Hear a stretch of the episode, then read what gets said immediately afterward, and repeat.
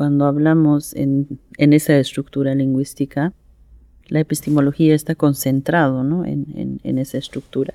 Entonces, todas las direccionalidades, por ejemplo, nunca se dice que te quiero con todo el corazón, se dice te quiero a todo pulmón. Y la gran pregunta es ¿por qué el pulmón? ¿no? Y el pulmón es justamente ese aire que compartimos todos. Es, es, el aire que habita en el pulmón, que pasa en todo nuestro, nuestro cuerpo. Cómo fluye el, el, aire. Pareciéramos que no, pero en realidad fluye, ¿no? Entonces, gracias a su fluencia de conectividad, todos vivimos. Entonces hay un, giro tremendo para poder entender porque quererte a todo pulmón o a todo pulmón te voy a cuidar, ¿no? A todo pulmón existo. Esos términos me parecen muy, muy lindos porque todo es taquechuima, ¿no? Taquechuima o sarnacata, taquechuima o eh, purita, taquechuima o sarnacañani, ¿no? Es todo taquechuima, ¿no? Taquechuima o amtapiñani, por ejemplo, ¿no? a todo pulmón lo vamos a recordar. Me parece muy lindo porque realmente tiene una estructura. Entonces, yo creo que es necesario esas autorreflexiones porque así no estamos concentrados, digamos, en un solo pensamiento y querer traducir todo, ¿no? Eso es lo que ha pasado. No hay que olvidar que todos estos textos de la razón, donde se ha desarrollado más, más, que todo en el eurocentrismo, y ese pensamiento del eurocentrismo convertirlo en el egocentrismo, ¿no? y eso es lo que ha pasado, y del egocentrismo exportarlo a todo el mundo como si fuera una solución para todo el mundo. Y no nos dimos cuenta que no es así, que no es así, que nosotros tenemos nuestro propio pensamiento, cada territorio tiene su propio pensamiento, cada comunidad tiene su, su propio pensamiento porque tiene su propio lenguaje de ser, en el territorio donde habita. Entonces, en esa sensibilidad, pues eh, es una gran equivocación que lo han hecho al querer universalizarlo y traducirlo, este pensamiento, a todo terreno, a todo rincón. Y creo que ahora nos toca un poco reestructurar y conocernos desde esa diversidad, La diversidad del pensamiento en todos los rincones de diferentes territorios nos puede hacer una gran riqueza de ver otras formas de vida, que no simplemente es una forma de, vida de la comodidad, de que es consumir sin responsabilidad, ¿no? sino también las otras formas de vida que nos hagan esa autorreflexión de que tan conscientes somos de lo que consumimos. Creo que son preguntas más bien para la nueva generación, que hoy en día todo es bajo la tecnología, pero ¿quién trabaja para la tecnología?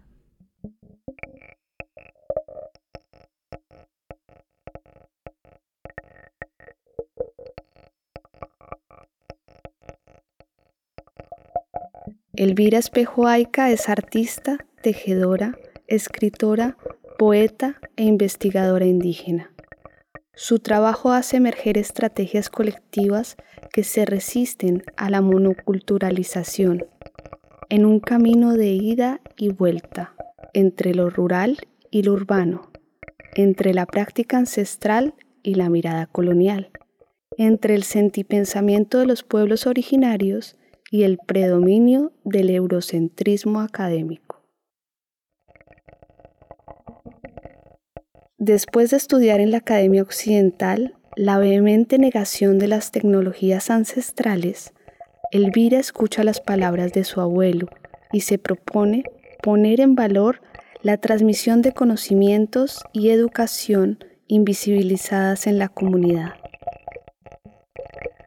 Para cuando asume el cargo de directora del Museo Nacional de Etnografía y Folclor de La Paz, Bolivia, articula una reivindicación de las voces silenciadas de las naciones indígenas en las colecciones, a partir de un minucioso trabajo de actualización de los catálogos del museo que desafía la insensibilidad de la academia, aún a día de hoy al servicio del extractivismo epistémico de data colonial. Basándose en las estructuras lingüísticas del aymara, el quechua y el guaraní, los bienes y objetos culturales de la colección recuperan su lugar de enunciación, trama y urdimbre para alzar la voz. En esta deriva emancipadora, lo no humano vuelve a hablar en los códigos de comprensión de un mundo ligado a la crianza mutua de los animales, las plantas y las artes que les dieron vida. Gracias a intensos debates con las tejedoras, hacedoras, indígenas, campesinas, la idea de autoría aflora confrontando el culto a la individualidad y al egocentrismo académico.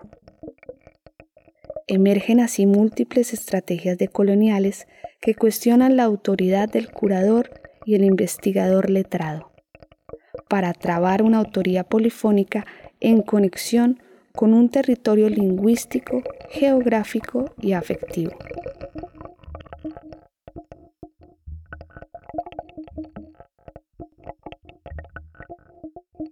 En este podcast conversamos con Elvira Espejoaica acerca de los avatares institucionales a la hora de romper con las jerarquías del conocimiento occidental, al tiempo que asistimos a un despliegue de conectividades que desbordan el museo.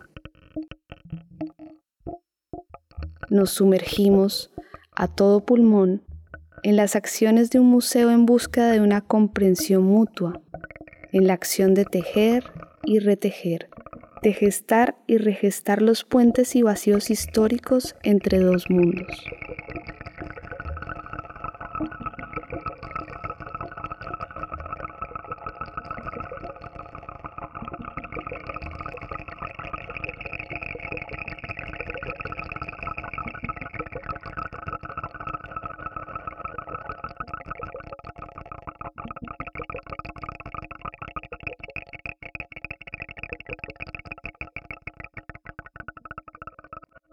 Que pasa es que todos estos predominios que, que han ido de otros territorios ¿no? a, un territorio como directamente a, a nombre de esa jerarquización, ¿no? a nombre a esa estructura, digamos, de monoculturalizarlos, pues negaron esos conocimientos y nos dijeron que somos bárbaros, que somos gente sin educación, sin letra, sin tal. ¿no? Y lamentablemente no hubo una lectura profunda porque en realidad tuvo todo, pero es una manera, es una educación, como los decía, ¿no? A través de la sensorialidad, a través de lo tactilar, a través de, del, en este caso, que es esa sensibilidad, por ejemplo, de, de conectividades del espacio, del tiempo, ¿no? Que hoy en día es bien necesario, incluso hay muchos científicos que están yendo en esa dirección, ¿no? Como por ejemplo en su momento se decía las plantas no hablan, pero las plantas hablan, las plantas respiran, las plantas se interconectan. Y que te venga a decir un científico y que nosotros hayamos tenido por miles de años de una generación a otra generación pasando por la historia oral, ¿no? Me parece realmente que a nombre del título del doctorado, licenciado, que tengan esa posibilidad de voz frente a este objeto que está en la colección, porque yo soy licenciado, porque yo soy doctorado, porque yo soy el titulado, y ustedes indígenas no son titulados y no saben nada más o menos. Pero el extractivismo fue así como yo voy a ir a investigar, voy a la comunidad y tomo, digamos, en este caso, eh, sus bienes, ¿no? O, voy a preguntar de qué se trata este bien cultural, ¿no? Entonces, imagínense todo de esas venidas y idas. Hay, hay problemas eh, porque no está bajo su lenguaje del conocimiento. En este caso, del desarrollo de la ciencia y la tecnología, cómo se ha desarrollado. Simplemente es como por, por lo bonito hay que traerlo, ¿no? Entonces, para mí ha sido bien importante esa autorreflexión, por otro lado, conocer esa historia, como les había dicho, ¿no? De que llevaban a nombre de que ustedes no conocen, no saben nada, te voy a llevar a una jaula y estudiarte y querer ver, ¿no? Así está en los documentos coloniales, es algo muy impresionante. Y luego ves la cantidad de los bienes culturales que están en, en los repositorios internacionales, donde hay una gran cantidad y ese sistema ¿no? de querer descifrar a través de los investigadores y ofrecer al mundo y atraer como, como la miel del, del, cultural a nivel mundial, como una potencia mundial. En esa sensibilidad creo que es bien importante eh, si estamos hablando de las soberanías, en este caso, porque se habla mucho de la soberanía alimentaria, ¿por qué no pensar de la soberanía cultural? Esta soberanía cultural, pues entonces si la cantidad de las piezas está en otros países y además es de mi territorio, de mi región, pues mi derecho debería de ser abierta derecho a ver a mi raíz, a mi identidad, a mi cultura. Y creo que en esa sensibilidad en los repositorios internacionales como administradores del bien cultural no se han abierto. Creo que es la más cerrada y muy complicada. Ojalá que haya una gran autorreflexión y hay que pensar de esta soberanía cultural, ¿no? porque eso es el contenido que nos va a ayudar a identificar las pérdidas que hemos tenido a lo largo del tiempo. Y creo que a ratos eso es un, riesgo porque en realidad si fuera así la soberanía cultural, tendrían derecho, digamos, todos los pueblos y comunidades a tener acceso a esa colección, pero también hay que entender de que cómo se va a dar en términos administrativos. Eso es un reto de un estado a otro estado y además se van a romper muchos esquemas de este privilegio de la academia que, que solamente ellos tienen derecho entonces yo creo que va a ser realmente una, una, gran debate para poder entender desde dónde estamos hablando, cómo lo estamos viendo y cuáles son, digamos, estas miradas hacia el futuro. No, me parece justo. También a los seres humanos se les ha llevado a un museo, ¿no? Ahí está en los documentos, por eso la lectura es bien importante, cómo te trataron, cómo te vieron. Y creo que hoy en día necesitamos esa gran, gran autorreflexión, ¿no? No es solamente pensar de que gracias a los títulos, gracias a esa jerarquización, digamos, eres el que puedes predominar, ¿no? Sino que tanto conoces de tu territorio, de tu región, de estas estructuras. Creo que realmente son para pensar y para reflexionar, ¿no?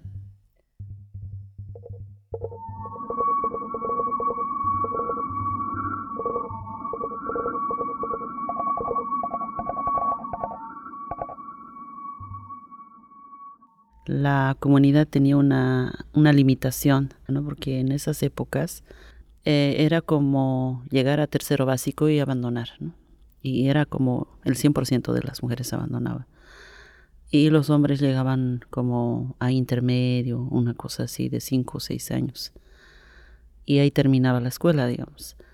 Pero algo que, que trataba de entender es que hablaban como como algo muy particular de, de, ser bachillerato y tener una formación formal, ¿no? Entonces yo comenzaba a ver ese desgranaje y me preguntaba, eh, tenía como una autocuestión interna, ¿por qué los hombres tienen derecho y las mujeres no tienen derecho? Era así como, ¿por qué? No, no, no entendía y en muchos casos preguntaba a mis papás, que también, bueno, a mi papá que había ido a la escuela, mi mamá ha ido hasta primero, segundo básico, digamos casi máximo tercero básico. Y preguntaba, y la respuesta que me dio mi, mi, mi papá era que las mujeres tenían que estar con los rebaños y tenía que estar con la tierra y los hombres tenían que manejar los papeles. Y luego otra vez me preguntaba, pero ¿por qué yo no puedo manejar los papeles? Porque ellos tienen el privilegio de manejar los papeles. Y hasta ese momento no, no comprendí muy bien porque era tan complicado. Y más bien la conversa con mi abuelo ha sido bastante interesante porque mi abuelo no, no fue a la escuela nunca, pero por curiosidad, digamos, ha, hecho algunas clases como escondido, digamos, fuera del alcance, digamos, de que lo vean que se estaban preparando en la comunidad porque era prohibida. En su época era prohibida porque solamente la clase privilegiada podía ir a la escuela porque se pagaba.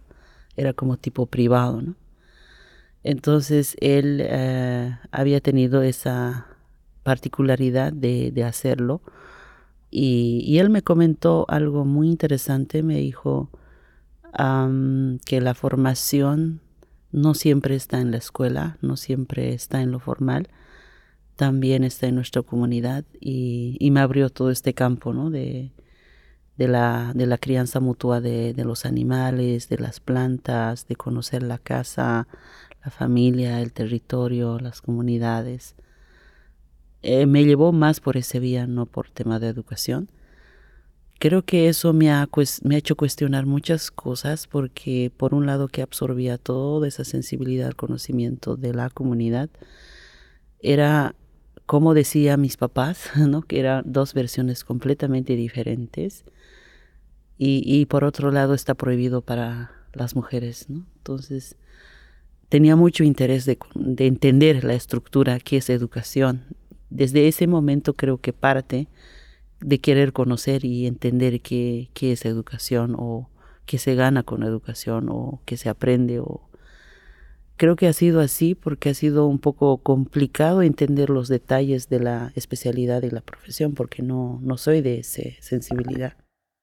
Algo que ocurre en el camino de terminar el bachillerato, para terminar, tuve que salir de la comunidad, que está como a tres horas de viaje en, en, en camión y en, en, esta comunidad o en esta región que es Chayapata, donde he terminado el bachillerato, algo que me sorprendió es que todas mis compañeras de, de, de curso, la mayor parte eran hijas de profesores o militares, ¿no? que había el cuartel de ahí, y era muy distinto el comportamiento, algo muy excepcional, yo diría, porque estar en medio de, ¿no? Que soy yo de un pueblo y tener de compañera de las hijas de militares que tiene mucho privilegio, eh, podía tratar de entender así como qué es lo que sucede con tema de educación, Entonces, eh, como mis papás me habían responsabilizado el tema de educación, a mis 15 años yo tomé esa responsabilidad de tener la educación. Y tener esa responsabilidad quiere decir que tienes la obligación de, tener tu propio espacio, tu propia economía, tu, propia administración. Y me tocó trabajar de todo, ¿no? Por ejemplo, ser barrendera, ser cocinera, estar en la limpieza, ser, por ejemplo, sirvienta. Todas estas dinámicas de tantas especialidades y además trabajos muy así como no valorados porque te pagan un peso, digamos, o dos pesos. Yo me acuerdo que entraba, por ejemplo, a Hotel Potosí, donde se atendía a, en este caso, a los, a los viajeros que pasan ¿no? de una ciudad a otra ciudad, que los buses llegan y descansan y, y toman té o café o algo así que consumen. Nosotros éramos empleados de un restaurante y nosotros entrábamos como a las seis de la tarde y estuvimos hasta tres de la mañana, ¿no? Trabajando. Tres y media me recogía, cuatro llegaba a mi casa, cinco, seis, siete, digamos, dormir tres horas y ir a la escuela otra vez al colegio. Y me ha impresionado porque empiezas a valorar lo que tienes, lo que conoces a, tu alrededor. Y, eso me ha hecho cuestionar muchas cosas porque no vengo de un, de un lugar de privilegio, sino de esas sensibilidades que la conozco, que lo he absorbido. Y en medio de ese espacio de conectividad, pues me conecto con, con alguien que yo atendía, siempre venía a tomar un café, fue en este caso el cura ¿no? de la iglesia. Y el párroco pues me, me preguntó, ¿no? Eh, ¿Por qué trabaja tanto? eh, porque era niña, tenía 15, 16 años, entonces él se dio cuenta y ¿por qué estás trabajando? ¿Por qué te interesa el, dinero? Y yo le dije que estoy en el colegio y no podía creer porque estaba todavía con mi falda, con mi pollera. Y me dijo, ¿no quieres ayudarme a mí? ¿No quieres venir a la parroquia? Igual te vamos a pagar, Entonces, eh, cuando me dio los horarios que eran, para mí era más adecuado porque era durante el día en la tarde y, eso coincidía bien con mis clases, entonces yo acepté ir. Y ahí trabajé como igual uh, barrendera de la, de la parroquia y luego pasé a la cocina y de la cocina eh, pasé a ser parte de la sacristía donde se hace todo este tema de los planchados, de, de los utensilios, digamos, de la parroquia. Y luego de ahí eh, me pasaron, porque hablo las dos lenguas originarias, aymara y quechua, y por supuesto que era fácil para mí entenderme con las comunidades, en este caso que venían a buscar su documento, porque los párrocos eran administradores de todas esas lógicas de bautismo, matrimonio, todos estos trámites tenía su particularidad, ¿no? Entonces, como hablaba la lengua, la comunicación era rápida y eficiente y podía buscar los documentos que requerían. Y ahí comienza un poco, eh, en este caso el párroco, tener mucho interés, entonces me llevó como asistente del secretariado.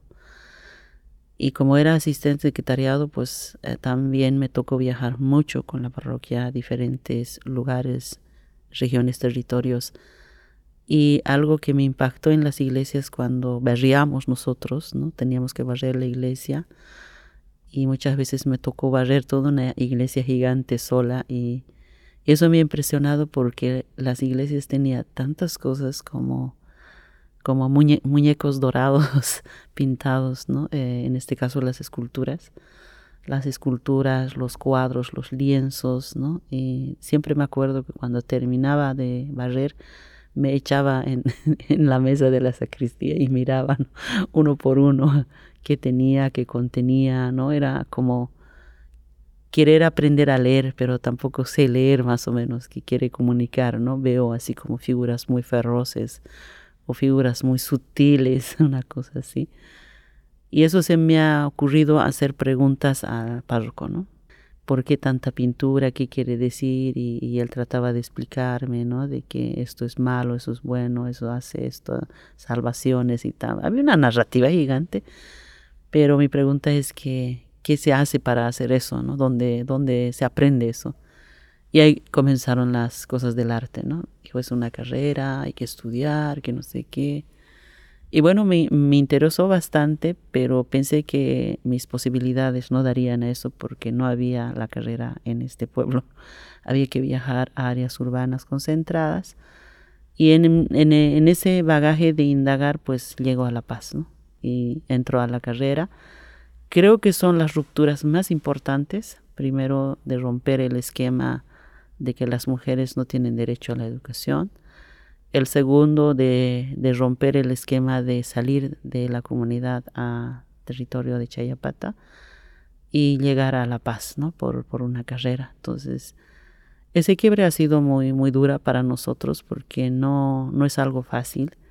Yo sé que en medio viaje, en medio camino de, pensar de, tu propia noción de querer hacerlo muchas veces se pierde, ¿no? Pero creo que esa constancia de querer hacerlo me ha hecho llegar y, y terminé la carrera, ¿no?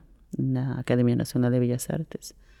Y luego regreso de ahí a, a mi territorio otra vez porque muchos migrantes, seguramente aquí también pasa, hay muchos migrantes de diferentes regiones y comunidades o territorios distintos que no tienen espacios, no tienen las mismas comodidades.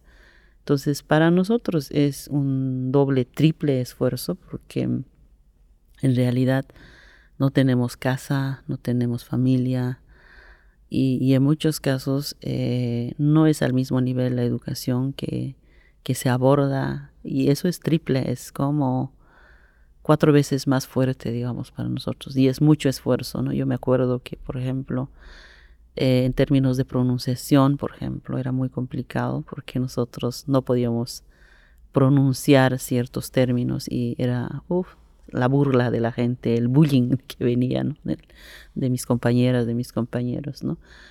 Y sobrellevar eso es, es, es muy complicado, ¿no? Pero lo más importante es eh, saber lo que realmente quieres, ¿no? Y, eso me ponía muy fuerte porque decía, bueno, hoy, hoy se reirán por mí, pero veremos qué pasa mañana, ¿no? Más o menos así.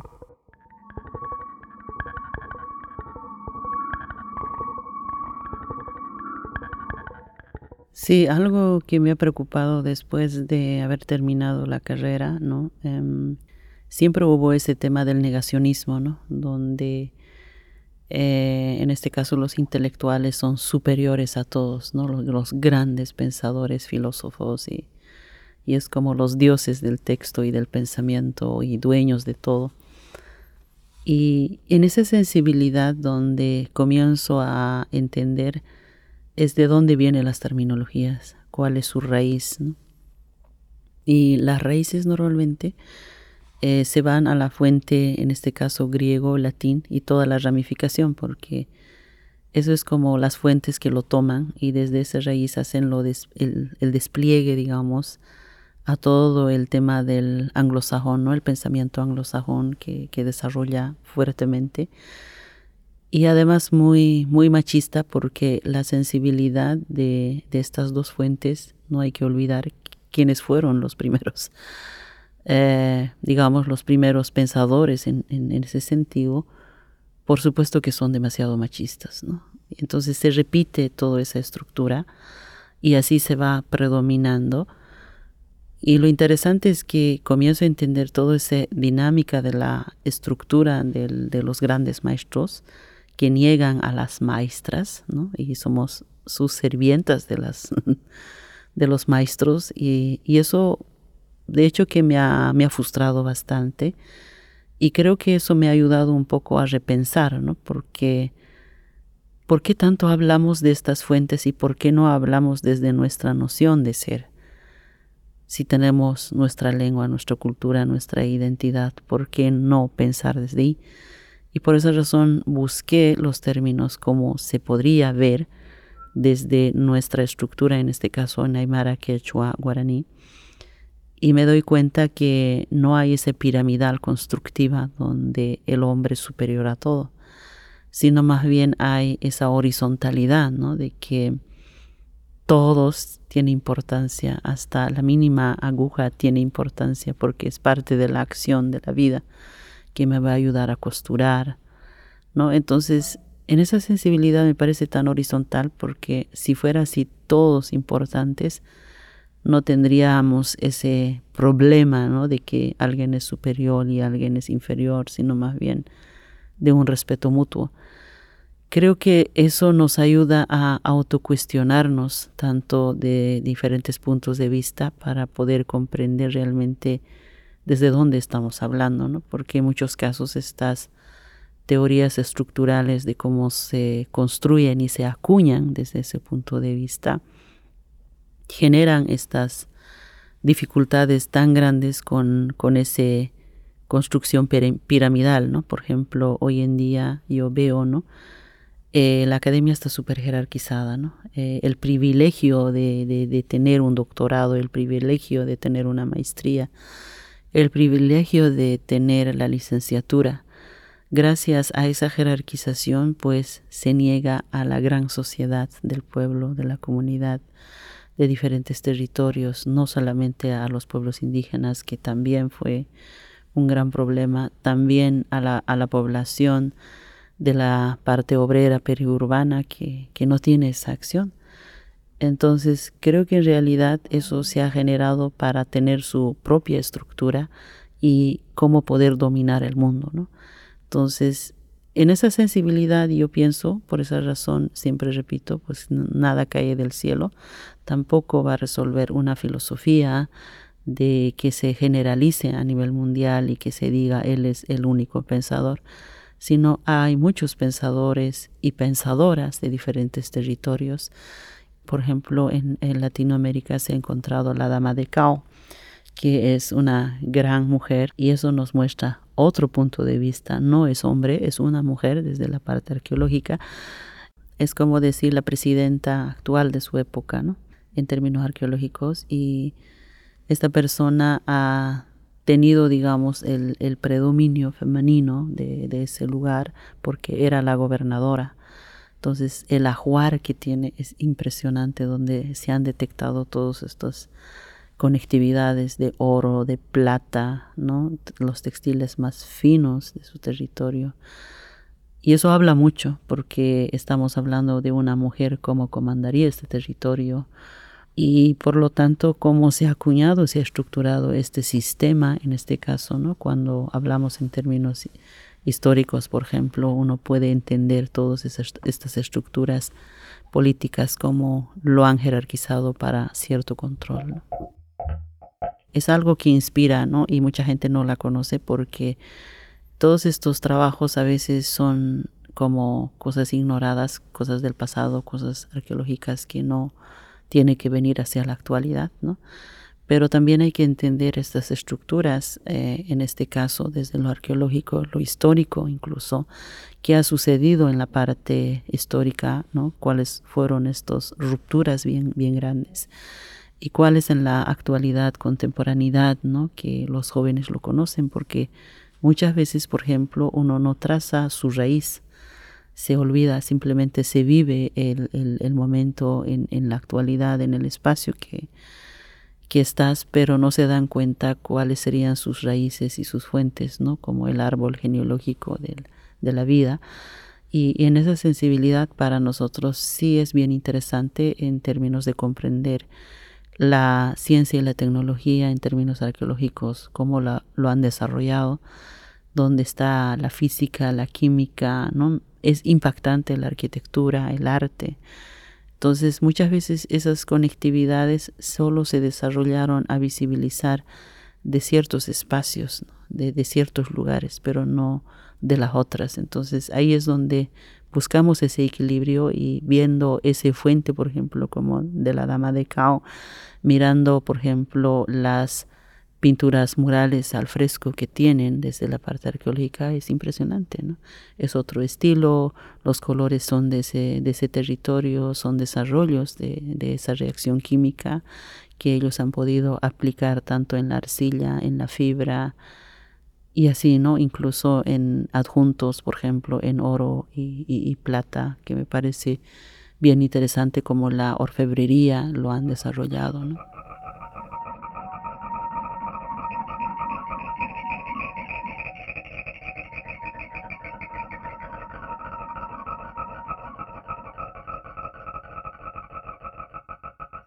Algo que me realmente me, llama la atención hasta la actualidad es que nos vean, por ejemplo, desde, desde esa estructura, ¿no? de, la estructura del, del, egocentrismo, en este caso el famoso antropocentrismo que se ha desarrollado mucho en Europa, que te vean pobres, ¿no?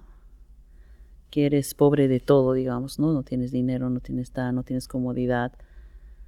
Pero algo que a mí me impresionó es después de haber vivido en, en, área urbana, haber estado, por ejemplo, por tema de educación, como me vivían tan pobre que no podía comprarme ni un pincel ni un óleo, algo que yo valoré tanto es la riqueza de mi, de mi territorio donde hay un rebaño gigante, un territorio gigante, un río que cruza, tengo derecho a ver a los aves, abiertamente, ¿no? El espacio que habito en gigante, hasta pienso que soy más rica que los demás. es como, tengo todo, ¿no? Y creo que eso me ha ayudado un poco también a entender la situación porque no pienso en el dinero tanto, ¿no? No estoy detrás de que el dinero me va a resolver la, vida, sino el costo de la vida, dónde está pesando, ¿no? Y, ahí es donde me doy cuenta de este consumo de sin responsabilidad, porque todo en la ciudad es plástico, ¿no? Todo está envasado en plásticos y, eso es bien preocupante porque también es como una acumulación de basura por toneladas que nadie habla de esas cosas. Mientras en el campo tú, tú, respiras un aire más puro, es, es distinto, ¿no? Por ejemplo, la contaminación del sonido es muy diferente entonces, todas esas acciones de acumulación, digamos, de autorreflexión, en este caso, pensar desde lo urbano, pensar desde lo rural, cómo se hace esa interconectividad.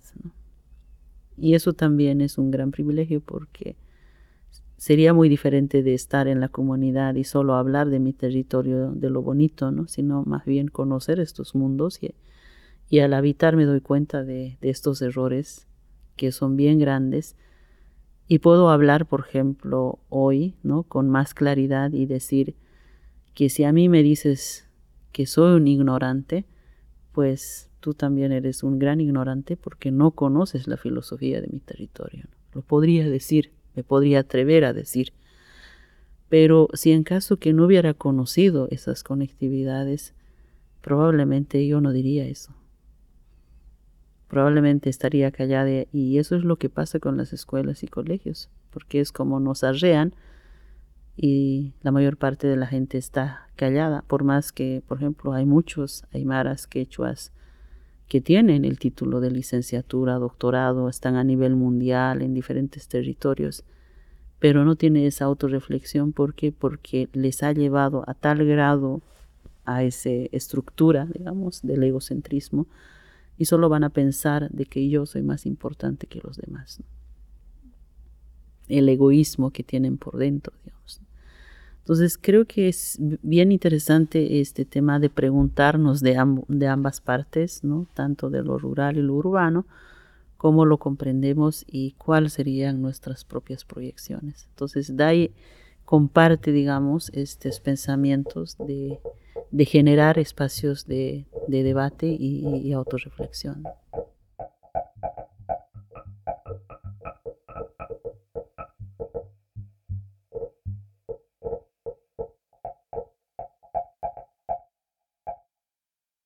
Sí, evidentemente todas las historias de los museos nacen así, ¿no? Incluso el mismo museo donde estoy era mm, una cosa despectiva, ¿no? De museo de artes populares, imagínate, ¿no? Es como una cosa de los indios, una cosa muy despectiva.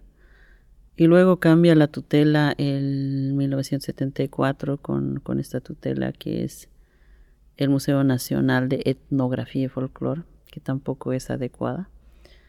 Eh, en vez de pensar en términos administrativos, porque estos cambios tienen que ver con la estructura administrativa, el tema legal, por ejemplo, y, que vaya en la actualización que va por la Asamblea y por, por los senadores, es para decretar en realidad a ese cambio de tutela. Y es, es, es un trabajo muy grande, ¿no? Es, uno puede perder muchos años haciendo eso.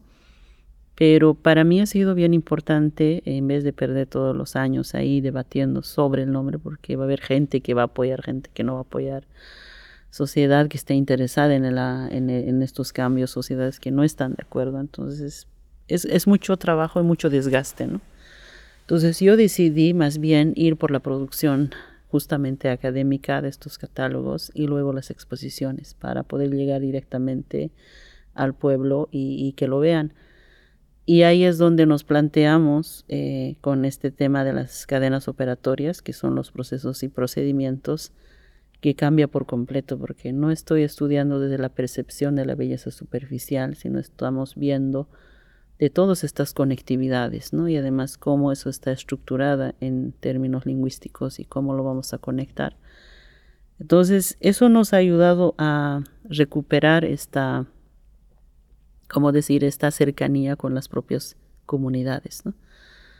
Y una vez que ya lo hemos tenido, incluso en estos últimos tiempos, yo he planteado que la tutela debería de cambiarse y no, no decir así Museo de Etnografía y Folclore, sino más bien Museo Nacional de las Culturas del Estado Plurinacional de Bolivia, porque el trabajo que nosotros estamos desarrollando es tener todo este despliegue de las cadenas operatorias, que son esas conectividades, ¿no? De la materia prima, las fibras, las transformaciones, todo el procedimiento para hacer, por ejemplo, un bien cultural, y luego tener toda la parte cronológica, que en este caso lo arqueológico, lo histórico, lo etnográfico, y en este último tiempo, eh, desde el año 2018 o 19, estamos planteando, por ejemplo, la vida social, la interacción, el rol que cumple en la sociedad Todas estas conectividades son pura de colonialidad, ya no cabe ni con el nombre. Entonces, para mí ha sido muy importante entrar desde ese punto de vista y producirla, porque el 90% de las exposiciones han cambiado en esa dirección y está actualizada. Y eso ayuda mucho a la sociedad, más que todo de, de las comunidades que tienen la praxis todavía, a tener una lectura más completa, porque también hay que entender que como comunidades de la praxis que hoy en día lo tejen, también han tenido ese problema del vacío de la parte arqueológica, que es el gran extractivismo, y de la parte histórica. Entonces, eh, el museo ayuda en ese sentido. Hay muchas cosas. Yo recién estamos haciendo un catálogo de la faja, por ejemplo, y estamos haciendo con, con un lingüista especializado en la lengua aymara. Entonces comenzamos un poco a hacer estas conectividades Y algo que llamó mucha la atención es que mm, al conectarlos desde lo arqueológico que no conocía, yo pude reconocerla porque trabajé las réplicas arqueológicas, pude identificar a qué región correspondía. Y la región no reconocía. Y era así como que esto no, no sé qué, pero después ya como se han vuelto investigadores, consultaron y llegaron que sí y estaban así para llorar, ¿no? Decir, ¡Ah! hemos perdido eso, ¿no? Imagínense, ¿no? Me dio mucha alegría al ver que realmente han reconocido, ¿no? Esa es la conectividad.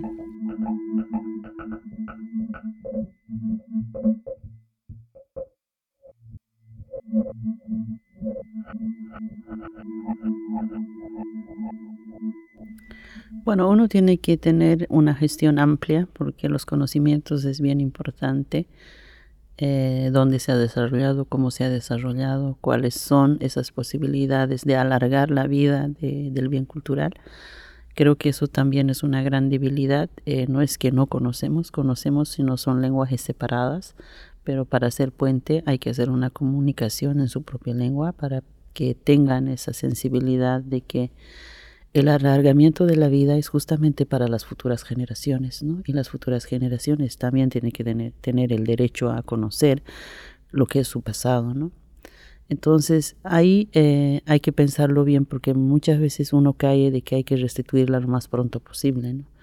Pero hay que ver sus posibilidades en términos de infraestructura, el control web, las temperaturas, las humedades, porque fácilmente se puede llegar a destruirla. Entonces no estamos en esa sensibilidad, estamos en una sensibilidad de alargar su vida del bien cultural y en esa sensibilidad pues sí nos obliga a un conocimiento mejor compartido para que tenga una buena decisión. Entonces creo que son trámites administrativos que uno tiene que conocerla.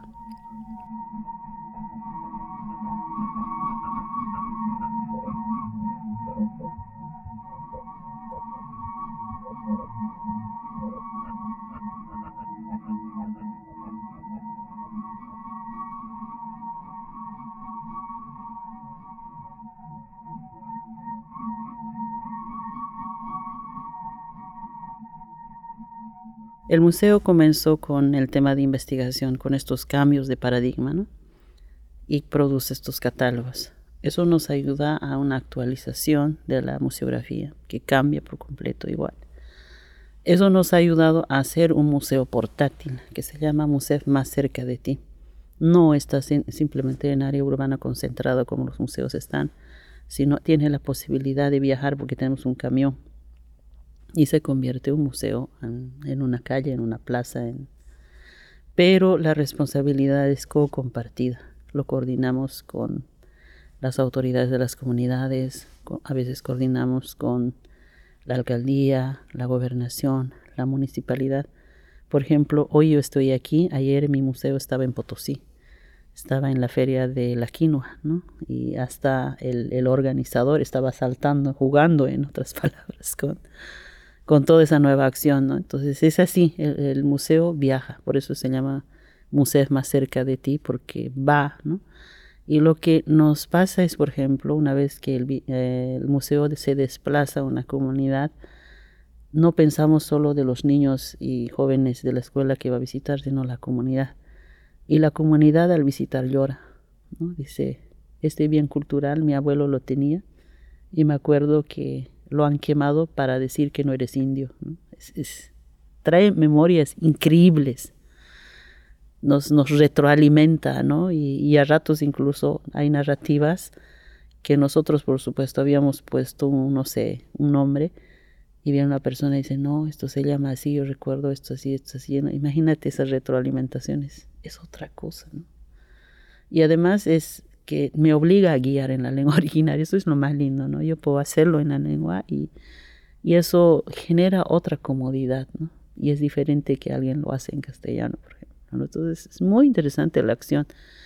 Eso es uno con el museo portátil. Dos es esta co-colaboración directamente con las comunidades productoras, ¿no? Y eso se trabaja directamente. Y eso lo hace, por ejemplo, la dirección, lo asume yo como tejedora tengo la obligación de estar con ellos y voy, ¿no? Entonces coordino y, viene a la tienda todas las producciones de las comunidades sin intermediario. Eso es directo.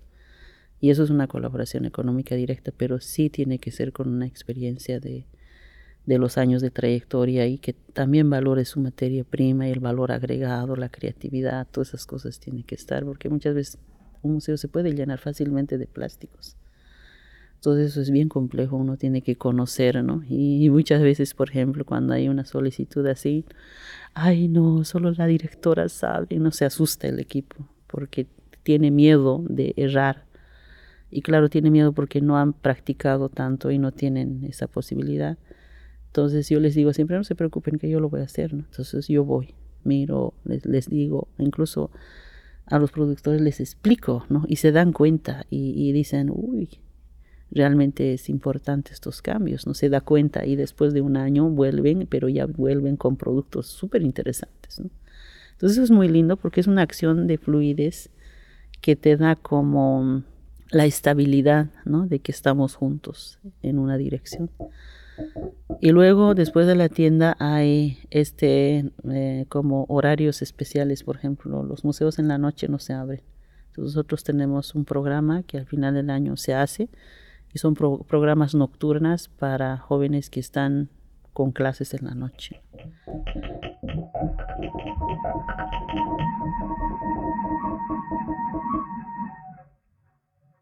Hemos tenido esa dificultad de que a veces siempre cae como los grandes curadores y curadoras. Y los expertos, ¿no? Como dueños del bien cultural pero algo que hemos comprendido eh, desde esa sensibilidad, porque como por ejemplo las charlas, ¿no? La mayor parte tiene el privilegio el titulado, el que tiene conocimiento y, muchas veces la voz de la praxis siempre está como una cosa artesanato afuera. Entonces lo que nosotros hicimos el, primer año, en 2013, para generar ese puente de conectividad es tener la parte académica y tener la parte praxis a la par. Y ahí sí nos demos, por esa razón nos dimos cuenta de que la academia generaba un debate con un lenguaje completamente distinto a la praxis. La praxis tenía un lenguaje completamente diferente a la academia. Y eran como dos polos separados. Para nosotros era muy importante hacer ese puente. Y algo que sucedió es que cuando, por ejemplo, la maestra o el maestro que tejía fue a la charla académica, hay cosas que le impactó porque son cosas que no ha visto nunca, además son cosas que están en las colecciones, ¿no? Y apreció mucho, ¿no? Pero lo que realmente le llamó la atención y era muy muy triste es que no estaba en su terminología, a pesar de que este bien cultural es de su pueblo, de su comunidad. Y el académico salía con la información y luego veía la praxis y se daba cuenta de sus errores, ¿no? Y decía, mamá mía, yo, yo no decía así, ¿no? Yo decía, y empezaban a debatir, empezaban a charlar, ¿no? Entonces, en esa discusión y muchos viajes que hemos estado conectando así, algo que nos ha impresionado es que el investigador siempre estuvo detrás de la información de abstraerla, sacarla. Y, y siempre figurar, yo sé, ¿no? Yo conozco. Y luego eso es lo que se transfiere a las universidades, esos son, esos son las academias en realidad, ¿no? Ellos están en estos espacios y nunca está la persona que lo desarrolló, que lo, que lo hizo el trabajo. En esas sensibilidades que ya pensamos un poco, ya hay que pensar de la coautoría, el respeto mutuo, porque no puede ser que solamente el investigador tenga el derecho, incluso, por ejemplo, las revistas, por ejemplo, indexadas, tienen todo ese problema, ¿no? Eh, por ejemplo, es muy individualizada el autor. Entonces, hemos pensado de esa coautoría y romper un poco el esquema, en este caso también de las, de las autorías, ¿no? y tratar de integrarlo. Y esa integración, pues poco a poco ha crecido y ahora nuestros catálogos está saliendo, por ejemplo, con más de 20 personas o 40 personas en coautoría porque tenemos, digamos, 10 ¿no? de los profesionales que ha trabajado otro 10 o 15 con los artistas y eso sube y, el catálogo de 500 páginas ya no es de una sola persona, sino es por lo menos de 20, 30 personas que participan con su propia voz. Y eso me parece muy linda porque eso ya es un respeto mutuo, es co-colaborativo, trabajado directamente con la maestra, con el maestro, con la comunidad, con la región. Y eso genera ya los, eh, en este caso, productores comienzan a su propia investigación, em, abordan, porque también hay que entender que solo conocen el momento de la praxis que, que, que, que hacen, pero cuando se les hace estas preguntas y empezamos a viajar juntos en, en, una charla, en una conversa, pues empieza a acabar su memoria, ¿no? Empieza a consultar al abuelo, a la abuela, a la tía, a la comunidad, tal. Es como que se va haciendo un despliegue súper interesante, ¿no? Incluso eso ayudaría, pienso que en el futuro algunos se van a animar a hacer, por ejemplo, videos cortos, porque ahora los celulares dan a eso. Entonces yo creo que es una gran apertura que ya es otra sensibilidad, ya no es que yo tengo que dar la información, sino es cómo tú desarrollas la información.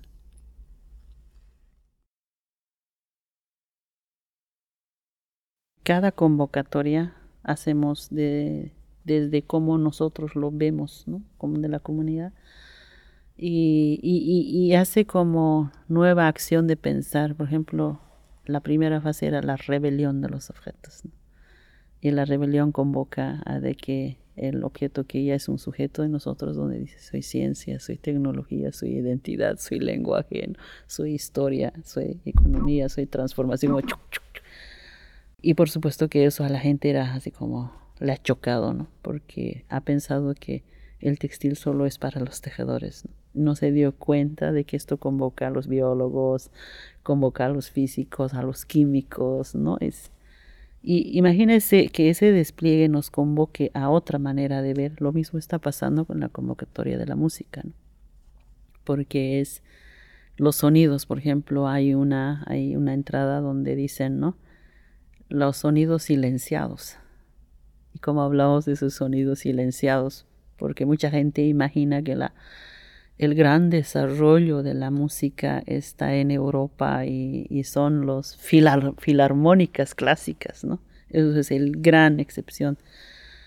Y así eh, se ha hecho las universidades en diferentes territorios queriendo hacer su filarmónica de todos los países y territorios bajo esa noción.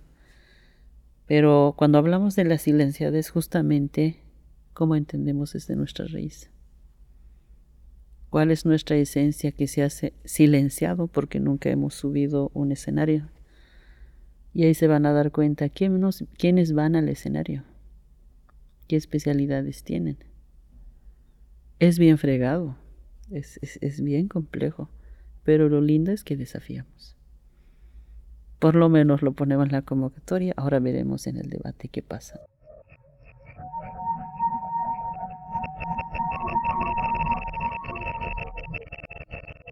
voy con las tejedoras, ¿no? En, diferentes territorios, ¿no? Para una charla, taller, a veces, dependiendo a la posibilidad que sea. Y algo que les, les encanta es, por ejemplo, estas recuperaciones, ¿no? Cómo poder, eh, por ejemplo, diremos que hay una técnica arqueológica o una fibra arqueológica que hoy en día está frágil, ¿no? Cómo poder traer a la actualidad no simplemente con las piezas de esa época, sino con las nuevas acciones de poder hacer una bolsa, una cartera, un, no sé, pues un camino de mesa individuales, o puede ser, por ejemplo, mantas, chales, ¿no? Y como que, como es una comunicación en el lenguaje, en este caso, como que el viaje es más rápido, más eficiente, y empiezan a gestionar ellos mismos y une fronteras, como esto de la fibra de garabata, con lo que pasó, por ejemplo, con Paraguay y Bolivia. Bolivia lo teje, Paraguay lo hila. Es, es, impresionante. Tiene una vida, ida, así como ida y vuelta. Entonces esas cosas a mí me impresionan porque lo mismo pasó con, con los temas del guayú, porque tiene que ser entre Venezuela y, Colombia. Y ambos tejen, y todo el territorio de ambos que tejen llevan a estos mercados. ¿no? y no hay como que tú eres venezolana, no, tú eres colombiana, no, sino más bien todo es Guayú, ¿no? Y Guayú es toda esa fronteriza.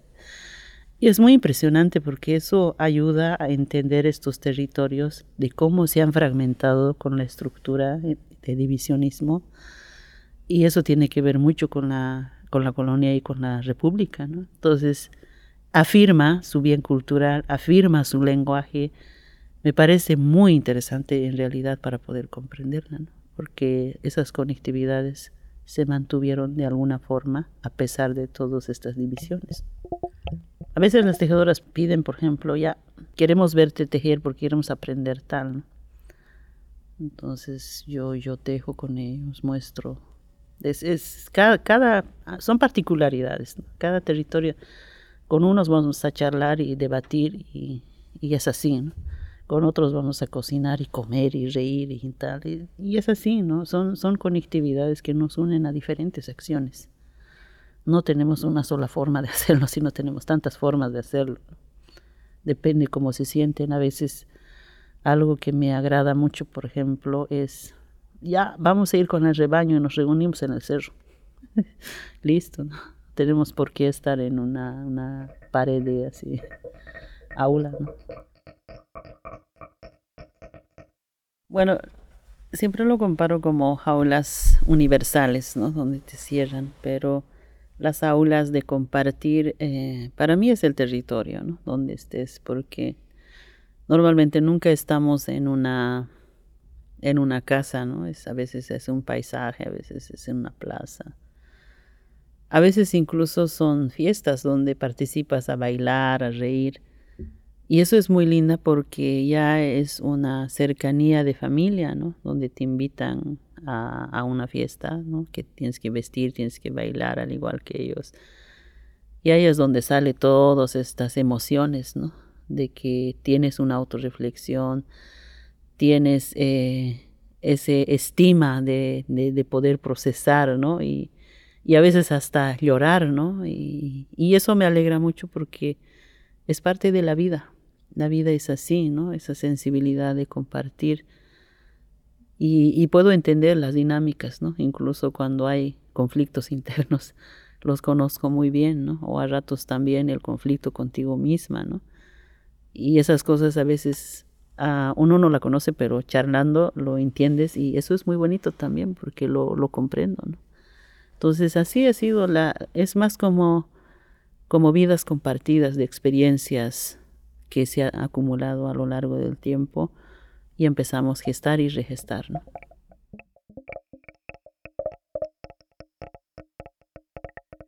Lo que hacemos es pensar desde las estructuras lingüísticas cómo estos términos funcionan.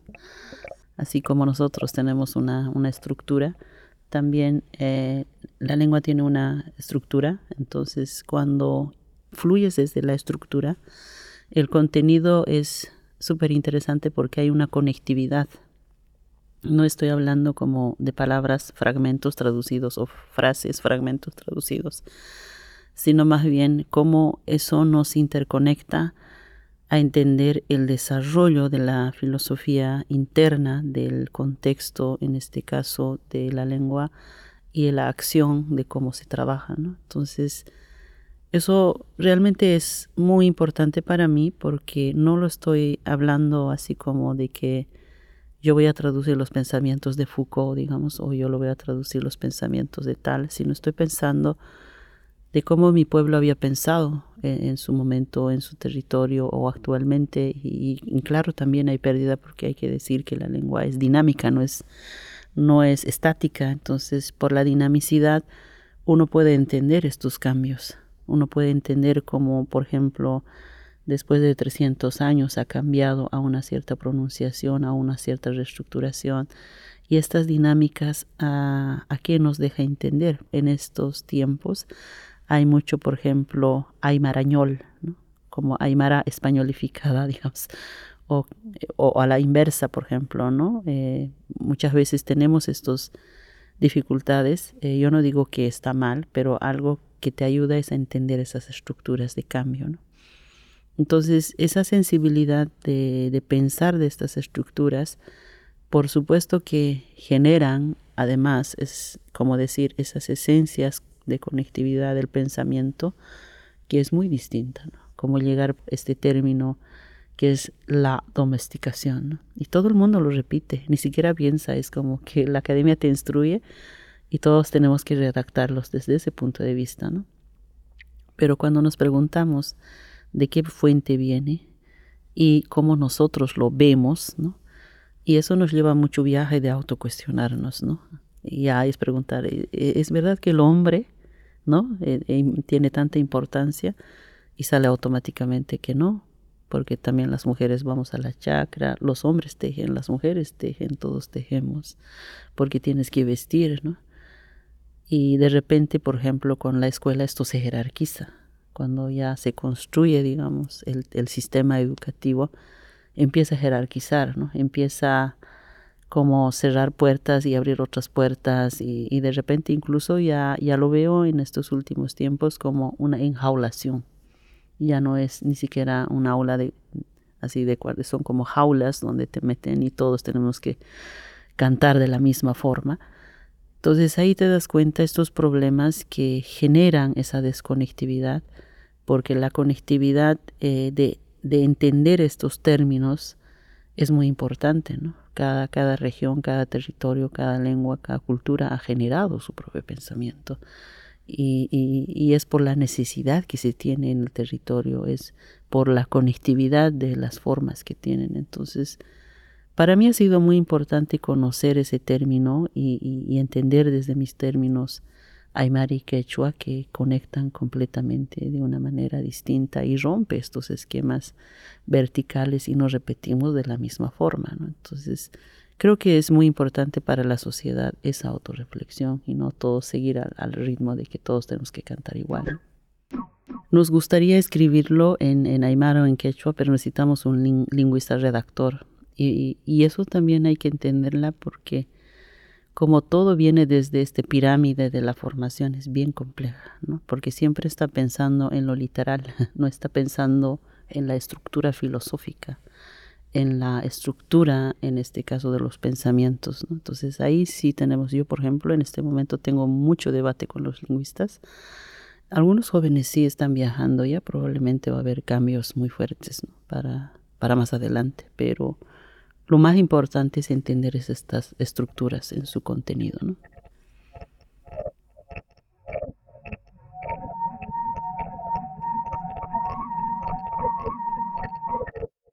es que como toda esta estructura nos convoca a todos, ¿no? porque eso es la educación formal como lo han estructurado, ahora buscamos un poco de las soluciones. ¿no? Y las soluciones justamente son estas acciones silenciadas. ¿Y cómo los vamos a tomar? ¿O queremos seguir en la burbuja de, esa acción vertical y formal y, y seguir, digamos, en esa sensibilidad de que las superioridades y las inferioridades tengan estos problemas. Creo que sería bien interesante más bien volcarlo porque es una acción del mundo. Yo diría, ¿cuántas voces silenciadas aquí en este territorio? ¿Cuántas memorias perdidas en este territorio? Es algo que uno no imagina, ¿no? Entonces creo que es una emergencia, no para mí, sino para todos los territorios que puedan reflexionar y, plantear sus acciones. Eso me parece bien interesante porque va a abrir apertura de que no es solo para Bolivia, sino es para todo el mundo. Y eso me decían cuando yo estaba en la India y cuando se ha hablado, y ha sido muy impactante de estar con las tejedoras, donde hablaban, por ejemplo, eso es lo que queremos. Y siempre nos dijo el maestro Gandhi. Y gracias a eso hay cultura e identidad, porque los ingleses no pudieron con los textiles de la India. Entonces imagínense, hay, hay, potencia para poder entender la dinámica.